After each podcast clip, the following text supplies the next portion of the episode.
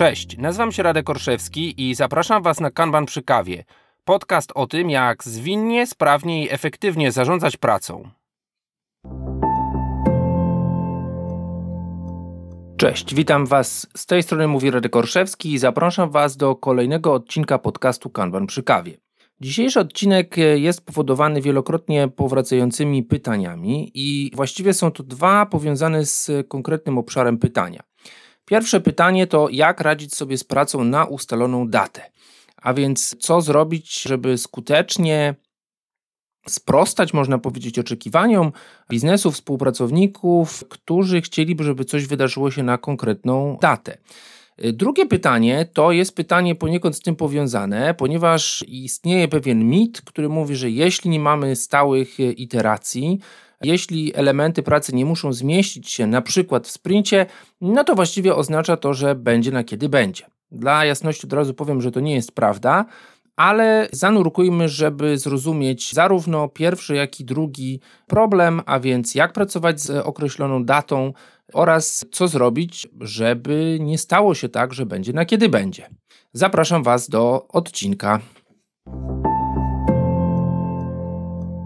Dziś w ramach krótkiej przerwy informacyjno-reklamowej troszkę o wakacjach. W wakacjach będzie spora przerwa w szkoleniach. Większość lipca i sierpnia to będzie okres wakacyjny, natomiast wracamy już jesienią z kolejną serią szkoleń, między innymi z czymś dotąd rzadko dziejącym się w kalendarzu, a więc szkoleniem Kanban System Design, nadal najpopularniejszym szkoleniem i to w wersji anglojęzycznej. Jeśli więc chcecie nauczyć się kanbanu po angielsku, jeśli macie współpracowników lub koleżanki, którzy nie mówią po polsku, a chcieliby się nauczyć, możecie przyjść z nimi, możecie im to polecić. Zapraszam serdecznie. Szkolenie Kanban System Design po angielsku 28-29 sierpnia w formacie online. Wszystkie informacje znajdziecie na lineagile.ninja.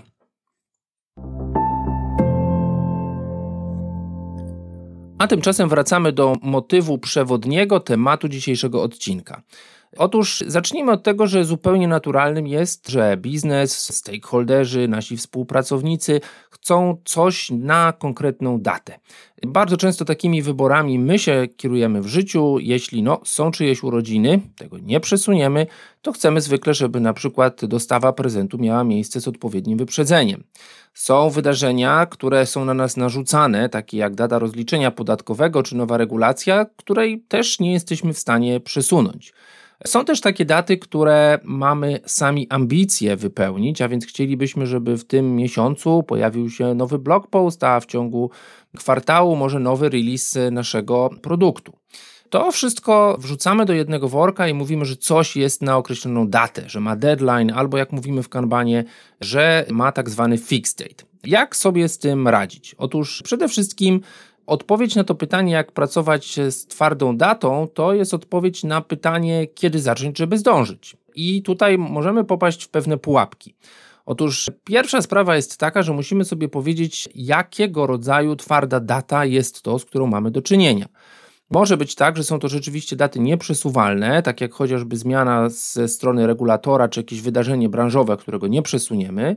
Z drugiej strony, dużo powiedziałbym elementów pracy jest zamawianych w naszych biznesach właśnie z taką określoną datą, chociaż w rzeczywistości nie wiadomo z czego ona wynika. Na dodatek zupełnie nie wiadomo, jaka będzie konsekwencja albo koszt, jeżeli takiej daty nie dotrzymamy. Tutaj uważni słuchacze i słuchaczki mogą sobie przypomnieć o odcinku, kiedy mówiliśmy o koszcie opóźnienia.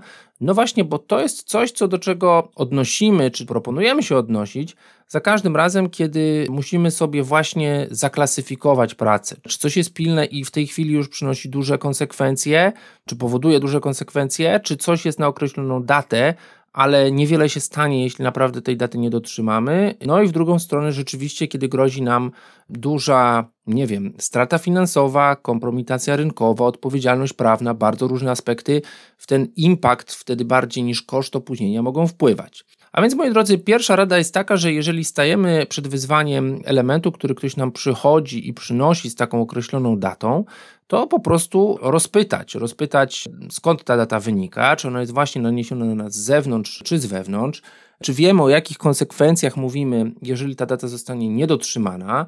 Dlaczego? Dlatego, że być może będziemy podejmowali działania, akcje w określonej sekwencji po to, żeby, jak się ładnie mówi, mitygować te najwyższe ryzyka.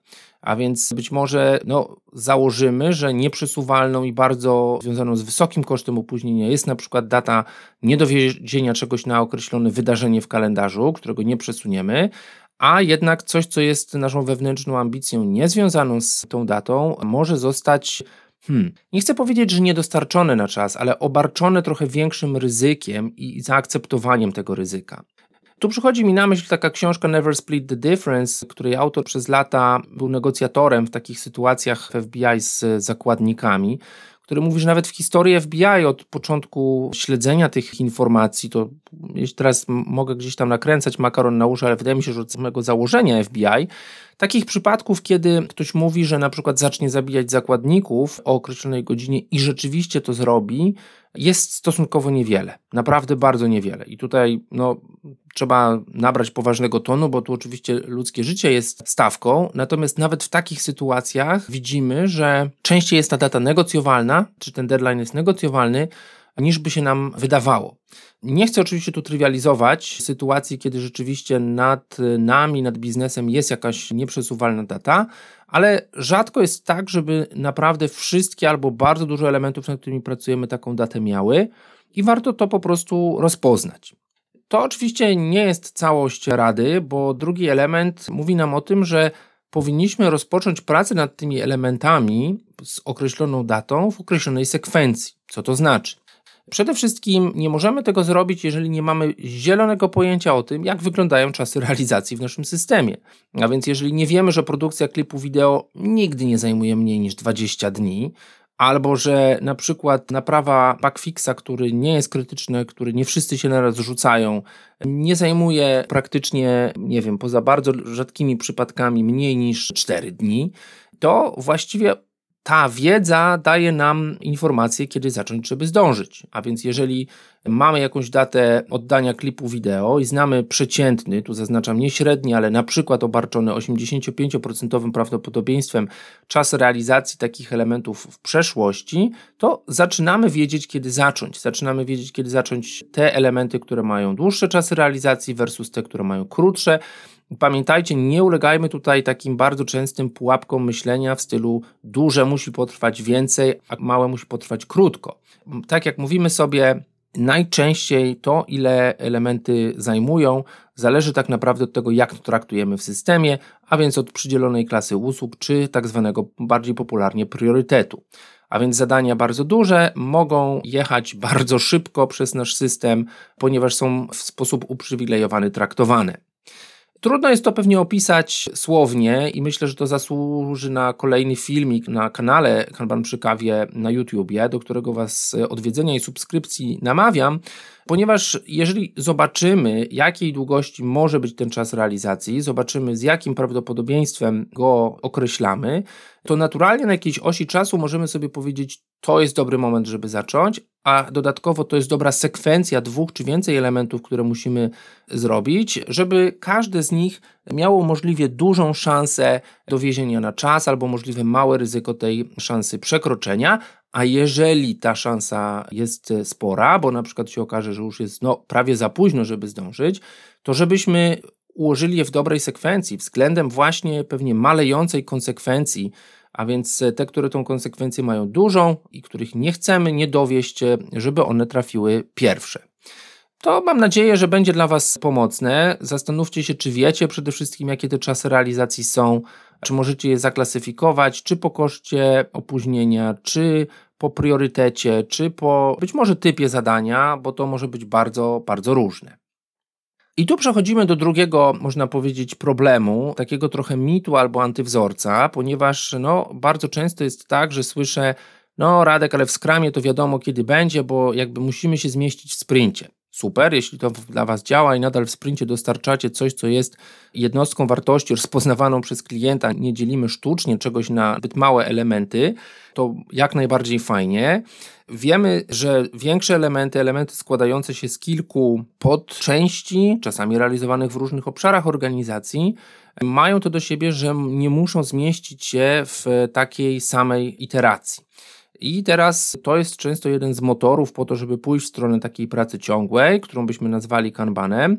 Nie ma w tym nic złego, natomiast jest niebezpieczne, kiedy to zrównamy z takim podejściem zaczynamy, no i teraz kiedy skończymy, to skończymy. Być może są takie projekty, takie produkty, takie firmy, tak duże zasoby finansowe i małe ryzyko, na przykład tego, że wyprzedzi nas konkurencja, że rzeczywiście możemy sobie tak działać. Ja myślę, że niewiele znam takich biznesów i częściej jest oczekiwanie, żeby ten element jednak został skończony. No, nie jest to w niezgodzie z naszą mantrą stop starting, start finishing, a więc pytanie, co zrobić, żeby to nie było tak, że będzie na kiedy będzie.